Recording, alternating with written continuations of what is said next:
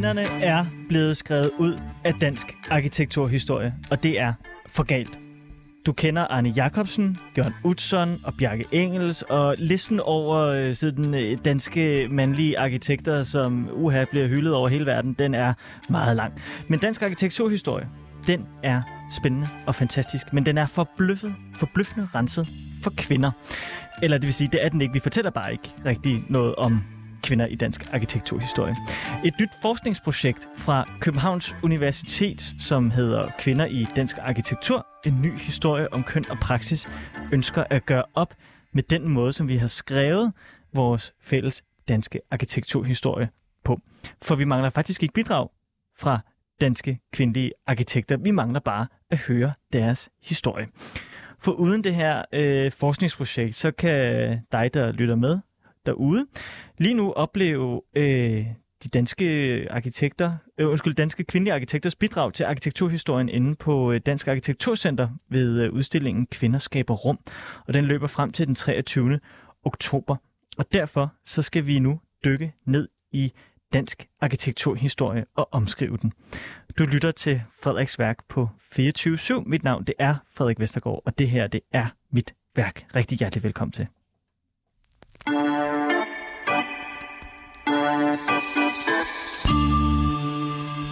Henriette Steiner, du er lige ved at tage dine sko af. Ja. Øh, og så er du også lektor på øh, Institut for Geovidenskab og øh, Naturforvaltning ved Københavns Universitet. Og så er du en del af det her øh, forskningsprojekt, som øh, jeg nævnte øh, før, Kvinder i Dansk Arkitektur. En ny historie om køn og praksis. Velkommen til. Tak skal du have. Og tak fordi du ville bruge din fredag eftermiddag herinde med mig. Det er herligt og spændende at have den her samtale i radioen. Ja. Øh, vi har jo meget, vi skal nå.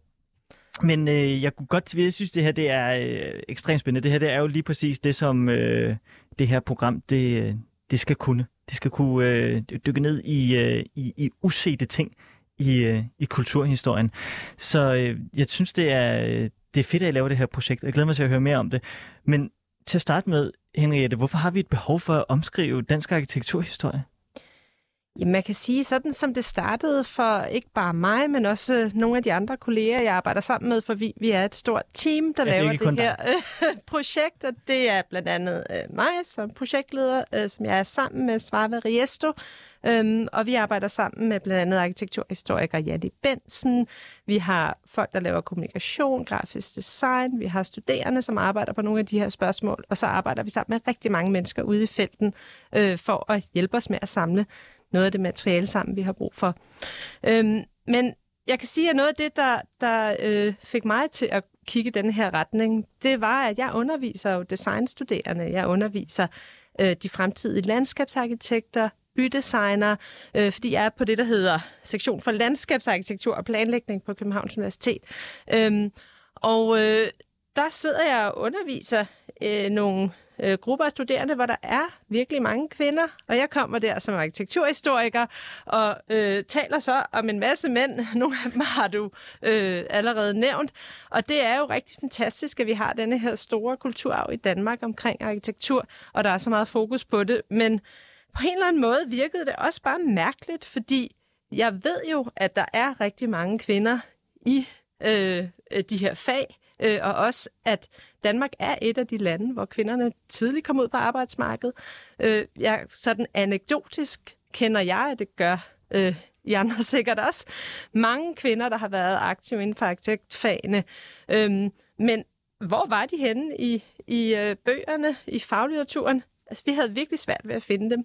Og så var det, vi satte os sammen og tænkte, det her må vi øh, se på lidt mere systematisk, og vi har fået øh, heldigvis støtte til at kunne lave forskningsprojektet. Øhm, og så gik vi simpelthen i gang med at grave og finde ud af, jamen, hvem var de? Hvad lavede de? Hvor var de?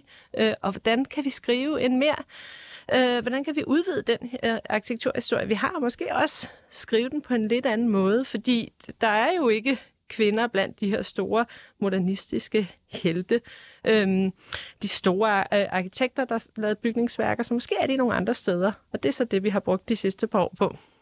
Altså, bare for at skulle øh, bringe mig selv ind i, øh, i det her, så har jeg sådan, inden jeg, jeg, jeg læste om jeres projekt, så har jeg, altså jeg, jeg, jeg kunne ikke nævne en eneste kvindelig dansk arkitekt, bare sådan lige, jeg tror heller ikke, jeg kunne nævne en, en kvindelig arkitekt i det hele taget, som ligesom har markeret sig på samme niveau som, som dem, for eksempel dem, jeg nævnte i, øh, i starten. Ikke? Øhm, men altså, øh, hvordan har vi overset de her øh, kvinder? Har vi bare sådan tænkt, de ikke var vigtige, da vi skulle have skrevet vores arkitekturhistorie?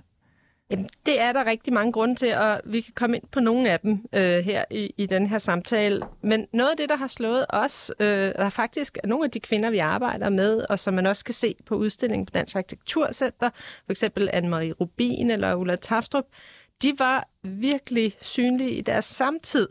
Øhm, de øh, øh, optrådte i medierne, i radioen, i øh, aviser, øh, og havde rigtig stor, sådan, hvad vi kunne kalde, impact på deres samtid. Ja. Så det er i hvert fald noget, vi har fundet ud af, øh, at de var der, og de var synlige.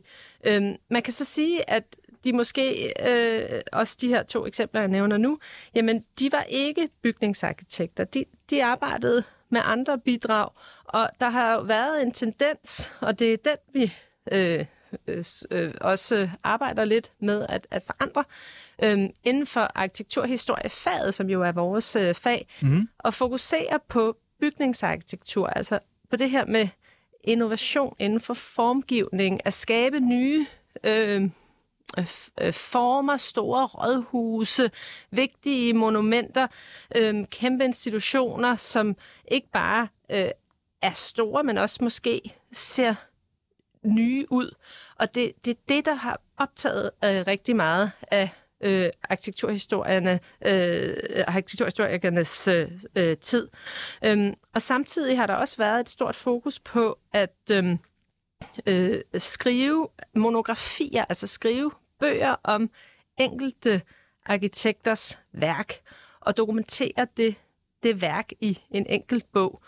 Og øh, det er jo en, en måde at, at se på, som virkelig sådan øh, sætter fokus hen mod et enkelt individ. Den her forestilling om et, måske et geni, i hvert fald en, som er virkelig, virkelig dygtig, og måske også sidder alene og laver de her nye ting. Øhm, den tendens synes vi er lidt uheldig, fordi den øh, gør jo, at vi måske glemmer det her med, at jamen, det byggede miljø, øh, arkitektur, bygninger, byer, landskaber, det er så komplekst. Det er øh, noget, der kræver mange forskellige fagligheder, mange forskellige perspektiver, der skal arbejde sammen. Fordi hvis vi kun havde en bygning, der skulle kunne holde øh, vind og vejr ude, øh, så havde måske kun brug for ingeniøren. Hvis den kun skulle se flot ud, så havde måske kun brug for arkitekten, øh, og det er selvfølgelig heller ikke helt rigtigt.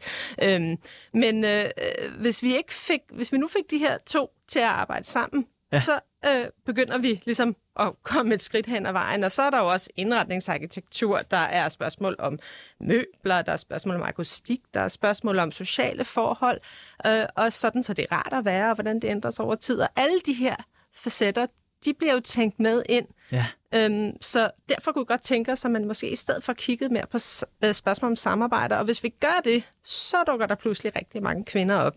Og det synes jeg er interessant. Og nu hvor du står og fortæller øh, med, med det her, Henriette, og at vi ligesom skal gøre op med ideen om, at en person har skabt en hel bygning, øh, så kan jeg huske, at jeg for øh, en 10 års tid siden var i øh, Sydney, og skulle selvfølgelig ind og se øh, operahuset. Og det første, der møder en, når man kommer ind i operahuset, det er et kæmpe billede af Jørgen Utzon. Og så er der sådan en lille udstilling i forjen om, øh, omkring ham og tilblivelsen af, af operahuset i, i Sydney. Ikke? Og det, det er jo et meget godt eksempel på, at man har sådan en idé om, at om operahuset i Sydney, det blev til, fordi Jørgen Utzon, han bare sad med sin blyant og tegnede det. Og så er det ligesom ham, der har lavet operahuset.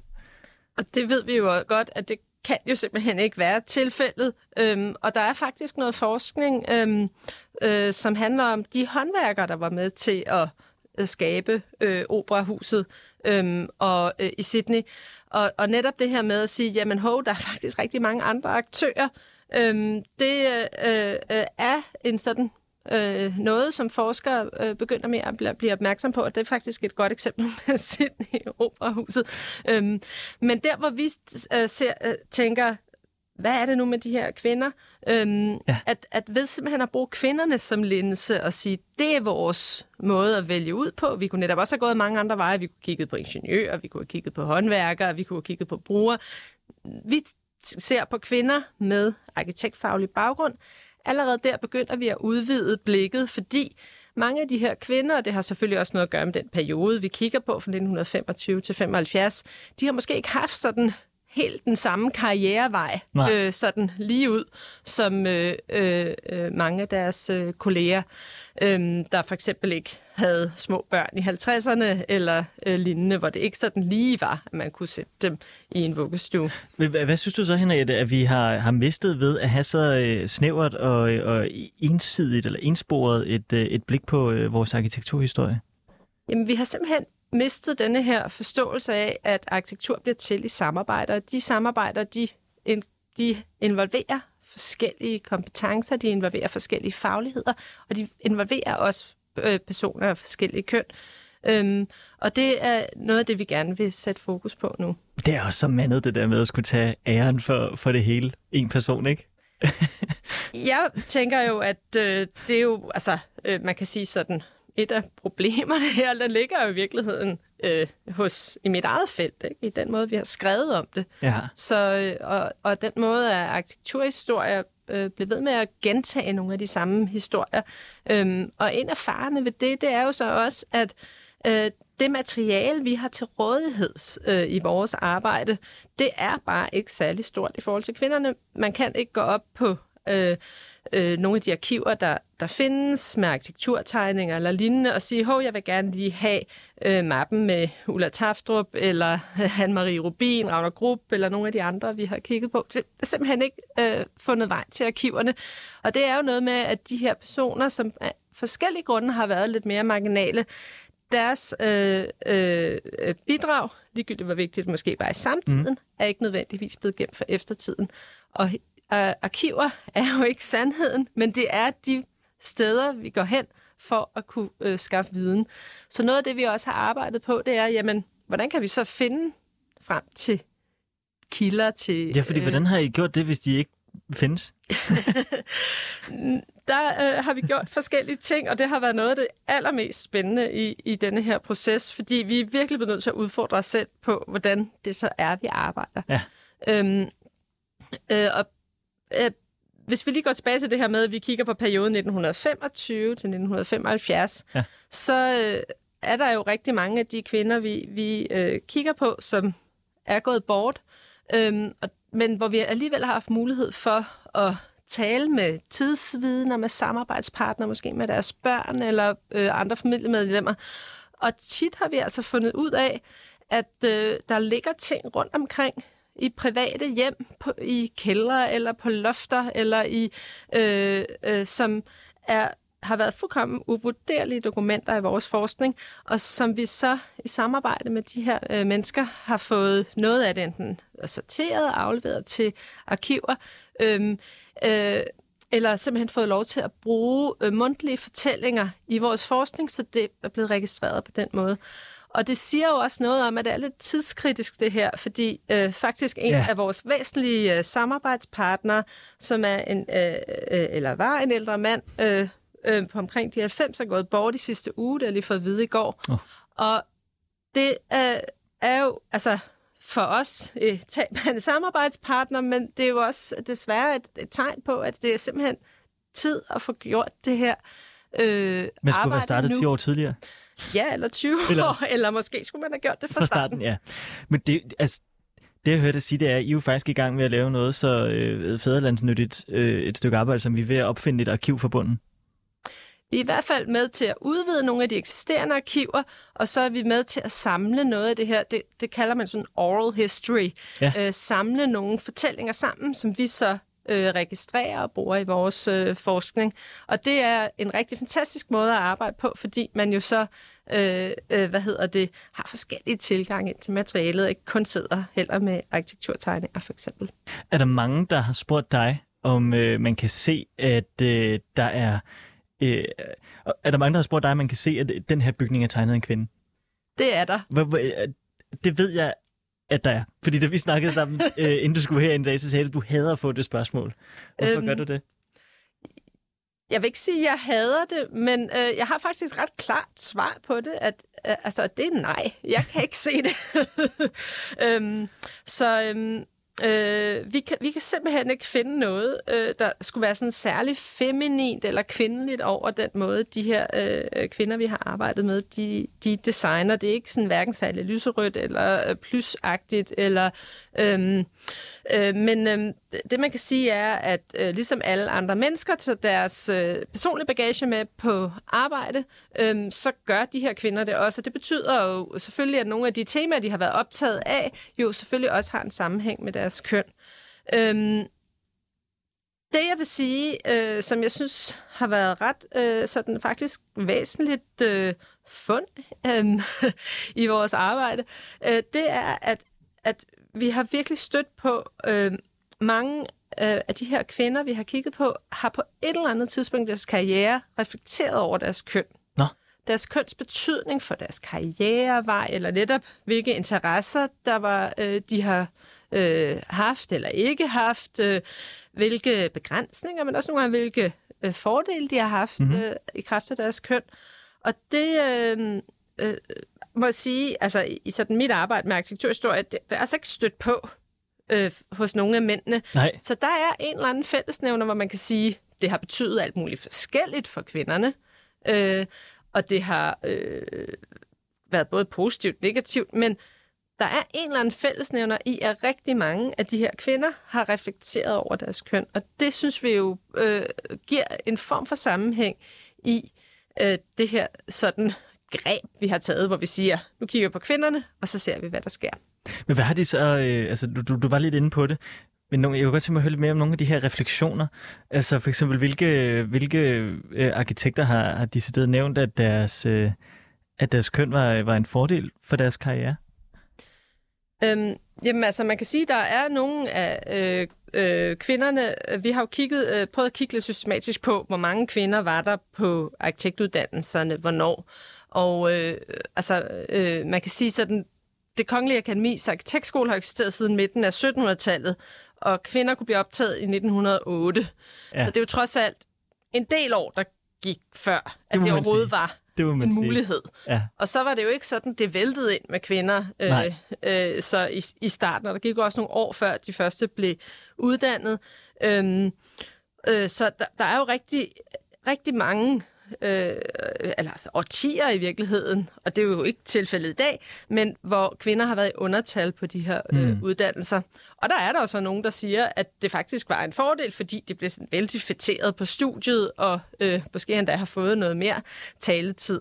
Øhm, jeg vil sige, det er ikke min indtryk, det er hovedparten. Men Nej, okay. den position, den findes. Øhm, men ellers har vi jo sådan nogle lidt mærkelige tilfælde, øhm, hvor, hvor øhm, man kan sige, at nogle omstændigheder omkring det at, øh, at, at øh, være kvinde på det her tidspunkt har været en, en form for fordel. For eksempel Vibeke Dalgas, som var øh, øh, byplanlægger og arbejdede med bevarende byplanlægning. Øh, hun øh, gik på akademiet i sådan tidlig efterkrigstid, og øh, skulle så med på den store studierejse til Rom øh, og se på sådan klassisk arkitektur. Ja. Og øh, hun havde øh, øh, små børn og havde simpelthen ikke mulighed for at tage afsted. Altså, ideen er sådan, manden passede børnene et par uger, den var ligesom ikke øh, åbenbart mulig, eller der kan jo være alt muligt andet, vi ikke ved noget om. Øhm, I hvert fald, hun skulle ikke med som den eneste, så hun, ja. vi har så øh, læst et, øh, et, en øh, sådan situationsbeskrivelse, og hun så sidder tårervedet hos dekanen, og jeg simpelthen er så ked af ikke at kunne komme med. Hun har aldrig været udlandet, øhm, og det er jo en del af det at være øh, arkitekt, eller i hvert fald del af det, man på det her tidspunkt tænkte var fuldkommen essentielt at komme på sådan en dannelsesrejse. Øhm, så hvad gør man så? Jamen, hun fik så stillet en anden opgave i den periode, hvor studiekammeraterne var væk, og det var hos Peter Bredstorff, øh, hvor hun øh, fik en opgave med at kigge på en lille ø, Nyord, øh, ved øh, øh, Lolland, øh, og hvor hun øh, øh, fik at vide, jamen prøv at se øh, spørgsmål omkring planlægning af denne her ø, men lad være med at kigge på et enkelt hus. Prøv at kigge på sammenhængen. Og det blev simpelthen startskuddet til en øh, sådan helt særlig niche-karriere, kan man sige, som var super indflydelsesrig og meget, meget vigtig alternativ til den der forskning, vi har modernismen, som, hvor der er nogle byplanlægger, der ind og laver motorveje over søerne, eller hvad det nu er. Ikke? øhm, at det faktisk handler om at øh, bevare, øh, det handler om at, at registrere, at virkelig sådan omsorgsfuldt forstå, hvad er det i de her gamle landsbymiljøer, øh, vi skal holde fast i til fremtiden, og, og, og øh, hvor er det, øh, altså, i, og netop i en kontekst, hvor det måske var nemmere at rive det ned og bygge noget beton. Og det er jo netop nogle af de praksiser, vi står med, og skal virkelig tænke over i dag, hvor vi øh, bliver øh, tvunget til, og af rigtig gode grunde, at arbejde mere bæredygtigt mm. og forholde os til ressourceforbrug inden for byggeriet osv. Så, videre. så der kan man jo sige, at der har kønnet haft en betydning, ja. som forekom at være et problem, men i virkeligheden blev til sådan startskuddet til noget nyt. Øhm, og det er jo noget, vi nogle gange ser, at det her med at stå lidt i maven, eller øh, øh, øh, øh, øh, kan jo være en måde at se tingene anderledes. Ja. Øhm, og det kan jo nogle gange være en rigtig stor fordel. Jeg vil ønske, at der var flere i 1960'erne, der, der havde tænkt sådan der, i stedet for bare at, at pløje indfaldsveje ind igennem alle større og mindre byer i, øh, i, rundt omkring i Danmark. Øh, Henriette, tiden den øh, flyver afsted, og øh, vi, skal, vi skal se på nogle af de her øh, kvindelige øh, arkitekter, og, øh, og sådan, jeg, jeg vil ikke sige tegne et portræt, fordi det har vi slet ikke tid til. Men vi skal lige, inden vi gør det, lige nå at have, du har allerede været lidt inde på det, vi skal lige have den her øh, historiske kontekst for at forstå, hvilken tid det er, de, øh, de influerer. Yes. Øhm, jeres forskningsprojekt er jo, som du har sagt, fra 1925 til 1975. Øhm, og bare for, øh, som, som at sætte tingene i relief, så fik kvinderne først stemmeret i Frankrig i 1940. Så i 30'erne, da de her kvinder begynder at, øh, at markere sig særligt i Gruppe, hvad er det så for nogle bygningsmæssige udfordringer, man står overfor i Danmark på det her tidspunkt? Altså man kan sige, at øh, øh noget af den, af den arkitektur, der bliver skabt i, i 30'erne, er jo sådan i den gryende øh, velfærdsstat, ikke? efter altså, en situation med økonomisk øh, øh krise, øh, og øh, store problematikker omkring bolig. Altså der er det jo, at den her tradition for at bygge almene boliger for eksempel, øh, den bliver øh, øh, øh, øh virkelig er sådan i sin vorden i, i Danmark. Øhm, nu nævnte du øh, Ravner Grupp, øh, og Ravner Grupp er jo øh, vores, øh, altså et af de eksempler, vi er gået ind i, i med et af de sådan tidlige øh, øh, kvinder, som har øh, tegnestue i egen, eget navn faktisk, den første i hvert fald bygningsarkitekt med tegnestue i eget navn. Øhm, og Ragnar Grupp har øh, bidraget med øhm, et projekt, som vi synes er, er rigtig interessant, fordi det siger noget om det her med samarbejde og organisering, øh, og også har sådan et kønspolitisk agenda i sig selv. Det er nemlig ja. kvindernes bygning, som ligger i Niels Hemmingsens gade øh, i, København. i Indreby i København. Ja. Øhm, og det er en, øh, en bygning, som... Øh, man kan sige sådan, de her sådan første bølge feminister, altså borgerskabets kvinder, der gerne vil gøre noget for kvinder, og også øh, netop sørge for, eller arbejde for, at kvinder fik stemmeret og kunne sidde med om bordet og, og, og være med til at og, øh, i magtens rum. Øhm, tilbage i 1895 var der en udstilling omkring øh, kunsthåndværk øh, øh, og håndværk, øh, øh, altså sådan, øh, hvad hedder det, håndarbejde. Mm-hmm øh, skabt af kvinder. Og øh, det, den her øh, udstilling var en, en, en form for sådan fundraising, crowdfunding mulighed for at skabe øh, det, man rigtig gerne vil have, nemlig en bygning for kvinder og kvinders organisationer, så man havde et sted at samles. Øhm, og det var øh, tog så rigtig mange år før, at det blev realiseret, men det gjorde det faktisk i 1936. Og der havde været en øh, arkitektkonkurrence, som øh, øh, øh, hvor man altså vil have en kvinde, øh, og som Ravner Grupp øh, vandt. Er det øh, fordi, man gerne vil have, at kvindernes hus skulle tegne sig af en kvinde? Man vil gerne have, at kvindernes hus skulle tegne sig af en kvinde. Øh, der var blevet lavet et... Øh, hvad hedder det, og det var selvfølgelig et kæmpe ramaskrig omkring, øh, men der var blandt andet lavet et kollegie for kvinder, hvor der ikke var nogen kvinder, som overhovedet kunne deltage eller deltog i, i arkitektkonkurrencen, og det er jo også set som et, et problem. Så det ja, ja. her var jo en måde ligesom at lave et statement og sige, det er en bygning for kvinder, til kvinder, og den er tegnet af en kvinde. Men igen, den her bygning er ikke sådan særlig kvindelig. Altså faktisk øh, er den et, et eksempel på den tids arkitektur, som kiggede ind i fremtiden. Den var moderne, funktionalistisk. Øh, den, man rev en masse sådan, eller en, en masse, en række af sådan 1700-talsbygninger ned, øhm, og så rejste man den her bygning i stedet for, og det... man kan jo se den igen øh, stadig i dag. Ja, ja jeg skulle til at sige, det er næsten utilgiveligt at, øh, at, at rive 1700-talsbygninger ned, medmindre de selvfølgelig er fuldstændig øh, altså, umulige at, at bo i. Men prøv, øh, Henrik, at beskrive, fordi jeg synes, den er jo, det er jo en flot øh, bygning, synes jeg. Kan du godt lide den? Øh, det er et virkelig godt eksempel på den tids øh, arkitektur, som altså tænker i, at vi skal væk med alle ornamenterne, ja. vi skal væk med alt det overflødige, vi skal tegne en arkitektur, der er moderne øh, for fremtiden, væk med alt det gamle bras. Sådan var der rigtig mange arkitekter, der tænkte på den her måde øh, på det her tidspunkt, og det gjorde Ravner Grupp også. Og Ravner Grupp var dybt optaget af øh, øh, øh, moderne teknologi. Altså, øh, øh, bygningen er nok en, der virkelig skulle ses fra en bil, mens man sådan drøner forbi, fordi vinduerne, de sidder i sådan nogle bånd, øh, som ja. man kan se som sådan nogle farbstriber, og det ja. kan man altså ikke, fordi den ligger sådan bag ved, ved Helligåndskirken. Øhm, men det er det, det, man skal forestille sig. Øhm, og der er et kæmpe skilt, hvor der står kvindernes bygning ja. foran. Øhm, men, øhm, men, men den er simpelthen bygget i jernbeton, og der er brugt jernbeton i facaden på en måde, som man ikke havde gjort før i Danmark på, det her, øh, på den her måde tidligere. Altså og, første, øh, first mover på flere øh, områder? First mover på flere områder. Der Ravner Grupp importerer et sindssygt high-tech varmesystem fra Tyskland, som øh, bliver installeret i den her bygning. Der, og, der er, og det er ikke nødvendigvis noget, som øh, alle synes er en god idé, fordi igen, det her er en øh, en, en tid, hvor man altså synes, man skal at støtte øh, danske virksomheder. Og, øhm, 33 i Tyskland, der, det har været lidt så det der med at lige få det her varmesystem importeret fra Tyskland er måske, altså, men det var det bedste øhm, i, i øh, teknologisk, i hvert fald i Ravner Grupps øjne. Så, så der, der er ligesom nogle ting der, hvor den her bygning, jamen, det er en arkitekt af tiden, som tegner for sin tid og faktisk for fremtiden og, for, øh, øh, og er med i sådan tidens reformpolitiske agenda med netop at øh, skabe øh, det her øh, velfærdssamfund, hvor der altså er flere, der sidder med øh, øh, rundt om bordet, end sådan den øh, øh, herskende klasse. Mm. Øh, og her handler det altså om, at, at kvinder får mulighed for at organisere sig, at kvinder fra provinsen kan komme til øh, København og Var hun fra provinsen?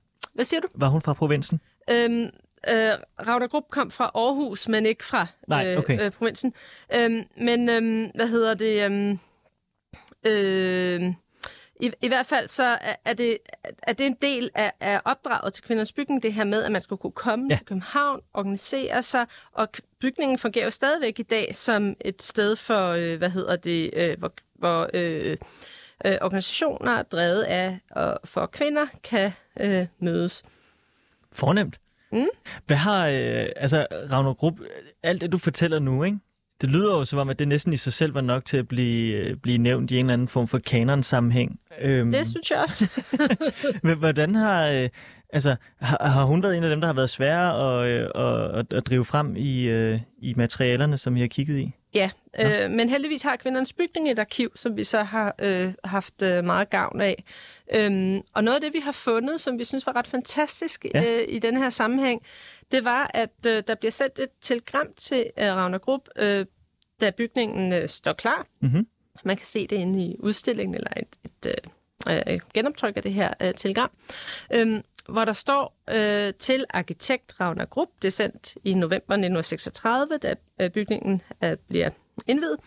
Og øh, øh, der er syv afsender på det her telegram, hvor der står tillykke med det smukt fuldførte arbejde, så det er altså sådan en professionel besked. Og de syv øh, afsender er alle sammen kvinder, og det er kvinder, som Ragnar Grupp har studeret sammen med øh, på akademiet, og nogle af dem har hun også arbejdet sammen med, eller kommer til at arbejde sammen med på andre projekter. Så vi synes, det var meget fantastisk det her med at se, jamen, der har jo været en forståelse af, at denne her gruppe af studiekammerater, som jo har været i undertal, jamen, de har også brug for og lyst til at støtte hinanden ja. og se hinanden som et professionelt netværk. Øhm, og det er jo også i tråd med det, som kvindernes bygning øh, kunne og, og, og skulle. Hvad tegner Ravno Grupp ellers? Er der andet, som du synes, der er værd at, at nævne, i, når vi nu dykker ned i hendes? Ja, altså Ravno Grupp tegner blandt andet nogle øh, øh, enfamiliehuse, man kan se på Frederiksberg. Øh, Nå, hvorhen? Øh, jeg tror, det er på Slotsvej. Øh, men altså, det skal man jo passe på med, de her ting, fordi det er jo af, af sådan almindelige mennesker, der bor i mange af de her bygninger. Men det, jeg vil sige til dig, det er, at vi har jo lavet en, hvis man har lyst til at dykke ned i øh, denne her øh, ja. oversete øh, arkitektur, jamen så har vi simpelthen lavet en lille guidebog til øh, kvinders øh, arbejde, øh, som altså det er øh, Københavns område og Sjælland primært, øh, fordi det er simpelthen baseret på nogle af de øh, feltture, som vores fotograf øh, Liv Løvetan Rabeck har været ude på. Og der kan man øh, gå ind, der er et indeks, og så kan man se nogle af de ting, øh, Ravner Gruppe har tegnet, og simpelthen tage ud og besøge dem. Og det er altså alt noget, tid, alt noget der kan øh, øh, klares på sådan en dagstur fra fra København, og vi kunne rigtig godt tænke os at udvide det ja. med, med resten af landet, men det var en, en måde sådan at vise, at jamen altså, noget af det her er, altså vi kalder det hverdagsarkitektur, ja, ikke? Ja. og noget af det er helt fantastisk spek- spektakulært, noget af det er den form for arkitektur, vi alle sammen bor i, men der var rigtig meget, og der er rigtig mange forskellige typer øh, af øh, huse, fra boliger, fra øh, større institutioner, landskaber, som, øh, altså, øh, kvinder har været øh, afsender på.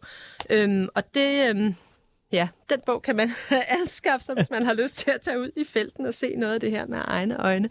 Og også mærke, hvor genkendeligt meget af det er. Og måske også, i hvert fald, så bliver jeg selv overrasket øh, nogle gange, fordi jeg tænkte, hov, det er da egentlig noget, jeg kender, og det må da være en af de store arkitekter. Men nej, det var faktisk en, øh, en, en kvinde. Øhm, så derfor vi sat, øh, sat navn på, og også ligesom vist det her med tyngden ja. af. Der er faktisk rigtig meget. Ja. Ej, det er jo genialt. Skal vi ikke prøve at, øh, at se på nogle, øh, nogle flere eksempler? Jeg kunne godt tænke mig måske, hvis vi kommer øh, ind i, øh, i en lejlighed, fordi noget, som overraskede mig utrolig meget, da jeg læste om jeres øh, projekt, det er at ideen om et øh, køkkenalrum mm-hmm. øh, og den moderne lejlighed øh, med et værelse til hvert familiemedlem. Det stammer også fra, øh, fra en af de her kvindelige arkitekter, som vi har kigget på. Og er det rigtigt, at det er Ravner Grupp, Karen Listendal og Ingeborg Schmidt, som ligesom var frontløber for, for den tanke? Altså man kan i hvert fald sige, at de har lavet et, et vigtigt bidrag til netop et, øh, et, et øh, almindeligt boligbyggeri, hvor de tænker lidt anderledes omkring det her med, jamen det er faktisk vigtigt, at i hvert fald børn af samme køn har hver sit værelse, og så giver man lidt mere køb på øh, de fælles øh, rum i, i lejlighederne. Men i forhold til det her med øh, at, at, at ligesom nytænke øh, boligen, hvor igen, det er jo, altså der er jo øh, eksempler på almen boligbyggeri, både for 30, men også øh, efter 2. Øh, verdenskrig, hvor det jo virkelig boomer. Altså ja. man skal jo tænke på, at mere end halvdelen af det, der nogensinde er blevet bygget i Danmark, det er blevet bygget i perioden fra efter 2. verdenskrig og frem til oliekrisen i 70'erne. Ej, er det rigtigt? Øhm, så, og det er jo derfor, at, at, at både i sådan bygningsmasse, men også i de øh, miljøer, vi bevæger os rundt i, i, i vores dagligdag, hvis vi kører på motorveje, eller øh, de huse, vi bor i, de lejligheder, vi bor i, øhm, øh, det, øh, hvad hedder det, de skoler, vi måske går på, eller har gået på, eller svømmehaller, vi besøger. Rigtig mange af de steder er tegnet øh, og, og, og skabt i, i, i den her 30-års periode.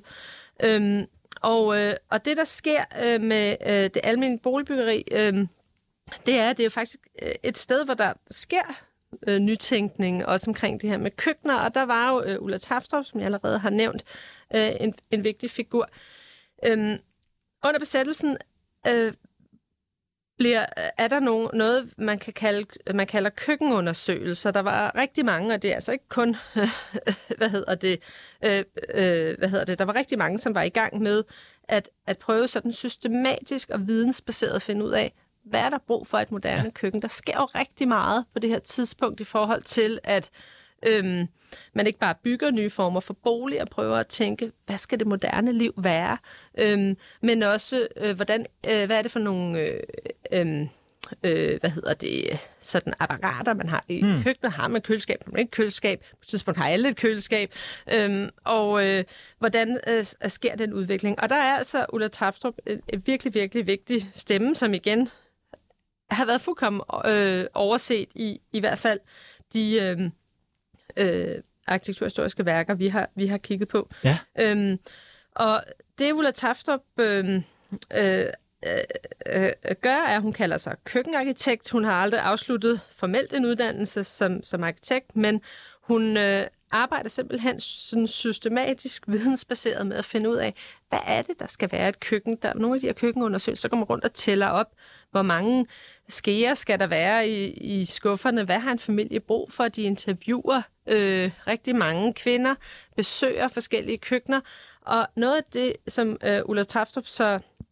arbejder med, er det her med at skabe sammenhæng mellem øh, køkkenet øh, øh, og øh, stuen. Og øh, på udstillingen på Dansk Arkitekturcenter kan man se et eksempel på den måde at tænke på fra Søndergaard Park, øh, som er en almindelig boligbebyggelse, hvor øh, der er sådan en slags øh, skab eller hul i væggen i virkeligheden, man kan lukke som et ja, skab ja. og have åbent øhm, mellem køkkenet og spiseafdelingen. Så i stedet for at sådan husmoderen skulle stå øh, for sig selv i et lille mørkt øh, øh, øh, køkken i, i en lejlighed, jamen så er der lige pludselig en fysisk forbindelse. Man kan stikke øh, tallerkenerne igennem denne her luge. Ja, det, øhm, det, det er sådan øh, rigtig parcelhusagtigt også, ikke? Jo, men det, det ser vi altså, de her lejligheder.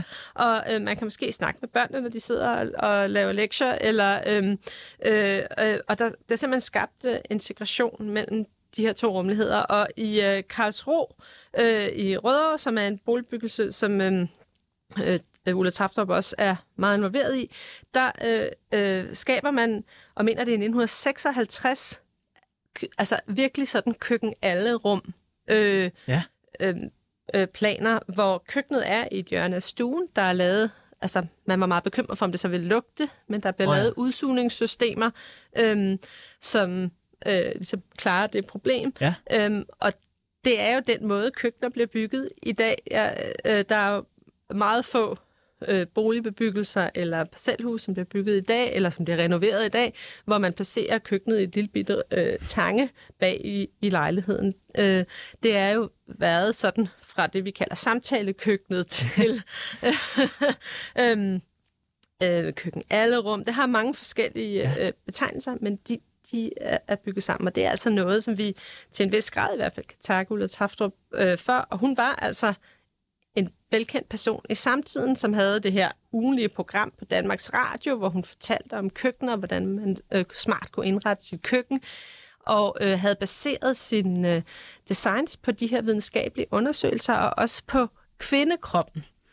Så, Hvordan øhm, på kvindekroppen? Ja, så øh, øh, hvis vi lige spoler tilbage, så ja alle arkitektstuderende, hvad jeg mene, har på et eller andet tidspunkt stødt på Le Corbusier, som var den her store modernistiske øh, svejtiske arkitekt. Ja. Hans øh, øh, øh, øh, sådan standardiserede mand, øh, som han tegner, og som al hans arkitektur øh, bliver skaleret efter. Og det er en mandekrop, der er 1,82 cm højt.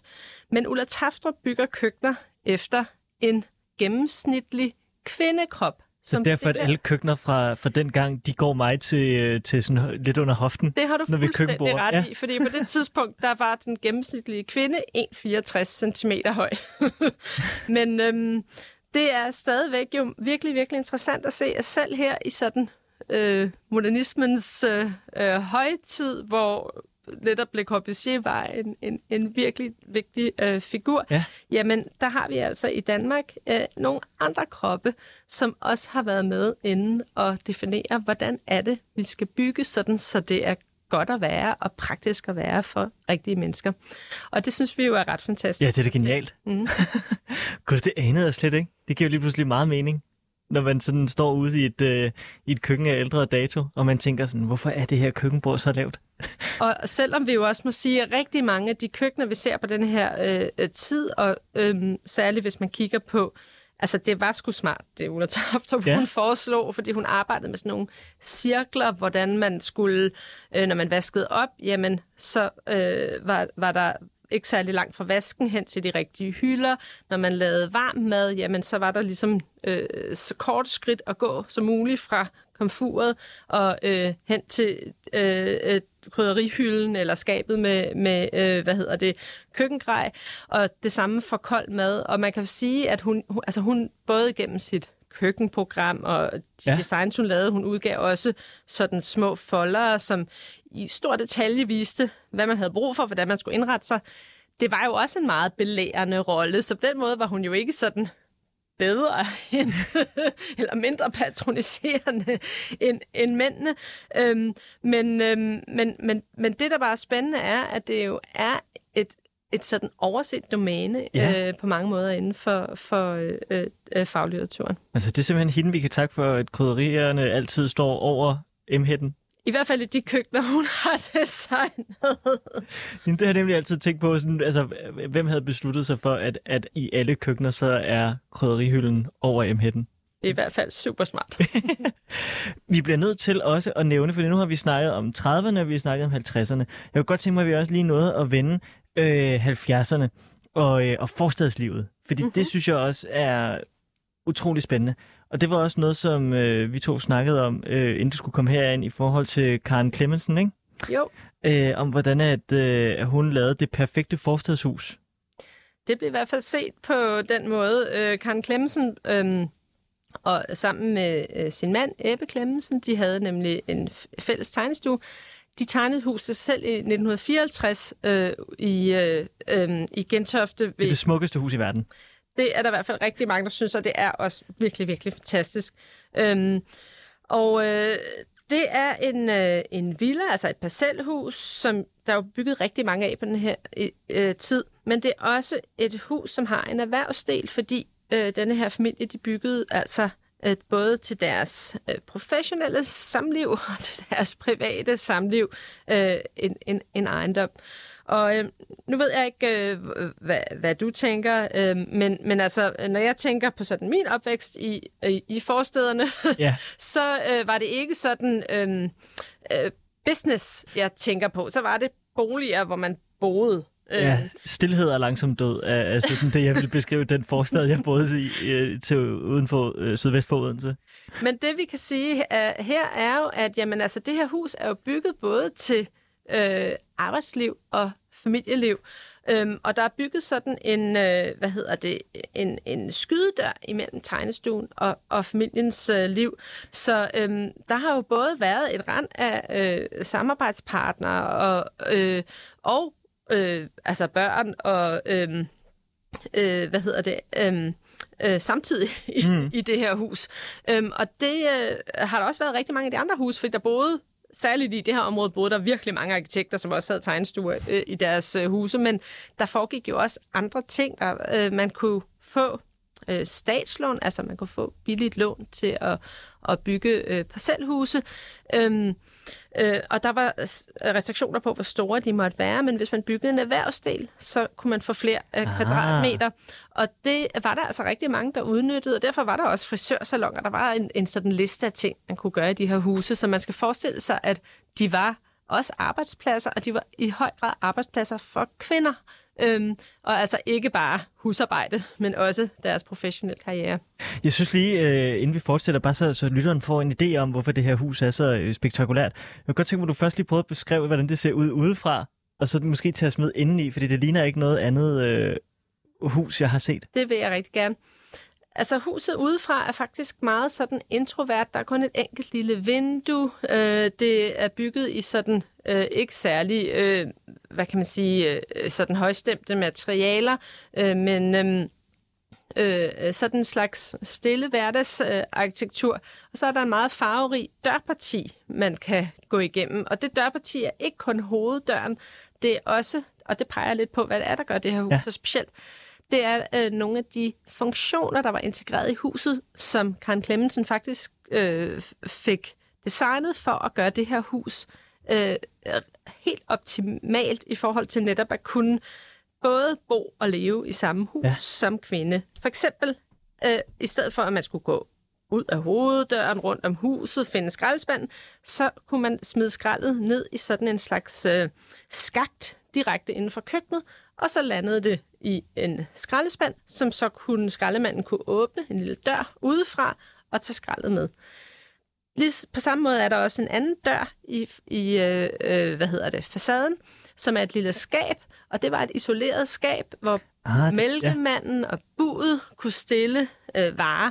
Øhm, og, så de kunne stå og ikke blive ødelagte, hvis nu der ikke var nogen hjemme. Ja. Øhm, og mælken ikke kunne stå i solen, jamen så kunne de altså stå inde i det her skab, og så kunne man åbne skabet indefra, og der var også en lille lås på, øhm, og så kunne man simpelthen tage mælken, eller brødet, eller hvad det nu var, der blev øh, øh, leveret, direkte øh, ind i, i køkkenet. Og det, der så også er så slående, det er, når man så ser det her hus udefra, øh, med de her, øh, som du siger, undselige materialer, ikke? Øh, øh, grå beton, og så er der de her, den her farverige dør, som, som, som, som bryder billedet. Ikke? Men når man så kommer ind i huset, det ser jo det ligner jo sådan noget øh, Yves Saint Laurent design på, øh, på køkkenlårene. Prøv at, øh, at beskrive, hvad det er for en, en stil, der er inden for, hvilke materialer, der, der bliver gjort brug af her, fordi det er også essentielt for, for huset. Det er det nemlig. Altså, man kan sige, at øh, man er under sådan et loft i øh, en, en mørkbejset fyr, tror jeg det er. Der er også sådan øh, lidt mere, øh, altså sådan mørke træsorter, der, der minder øh, mere om sådan tigtræ eller ja. andre øh, sådan øh, regnskovstræsorter, som jo var meget øh, øh, moderne øh, her i 50'erne. Øhm, og så er der altså det her farverige køkken, som er noget af det, vi ved, der er rigtig mange øh, øh, journalister, som øh, faktisk besøger det her hus i samtiden. Både øh, ser og hører, og alt for damerne for eksempel er på besøg og laver øh, dyb, dybe reportager om det her hus. Og det er ikke sådan helt øh, exceptionelt på det her tidspunkt, fordi igen, der var rigtig mange familier, der flyttede ud i nye huse og fik bygget mm. øh, parcelhuse, så der er stor interesse i netop sådan dameblad for at besøge nogle af arkitekterne og ja. finde ud af, hvordan, hvad gjorde de, og kan vi lære noget af dem. Øhm, og det, når de besøgte Karen Klemmensens hus, jamen, så var det, øh, øh, øh, det her køkken var i, i fokus, og journalisten fra Alt for Damerne øh, beskriver det som en hver husmors drøm. og det er jo rigtig fedt, og det er jo netop fordi, det har alle de her funktioner og smarte skaber. Man kan åbne dem fra den ene side og den anden side, og der er sådan en, en øh, hvad hedder det, øh, en væg, man kan lukke, så man ikke kan se alt rådet, når man sidder og spiser middag med sine gæster. Samtidig kan man ligesom denne her øh, sådan åbne forbindelse, som Ulla Tafstrup også skaber, ja. jamen så kan man altså række tallerkenerne igennem, når man skal skynde sig, eller man kan stå ved ligesom køkkenbordet og spise. Øhm, så for at gøre livet lettere for denne her arbejdende kvinde, fordi det var jo ikke en husmor, der boede i det her hus. Det var jo ikke en hjemmegående kvinde. Nej, nej. Det var faktisk en meget succesfuld øh, øh, arkitekt, øh, som, som altså bor her og både bor og arbejder med sin mand.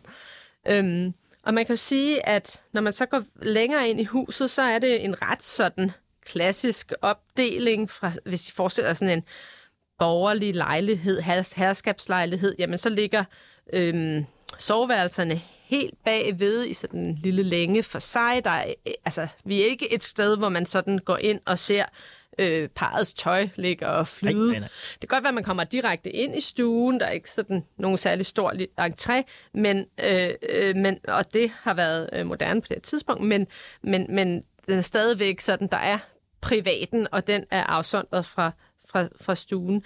Og på samme måde er der også en separat adgang til øh, erhvervsdelen, øh, som, som man altså i virkeligheden, hvis man ligesom lukker skydedøren mellem stuen og tegnestuen, øh, mm-hmm. så kan, kan man faktisk separere de to.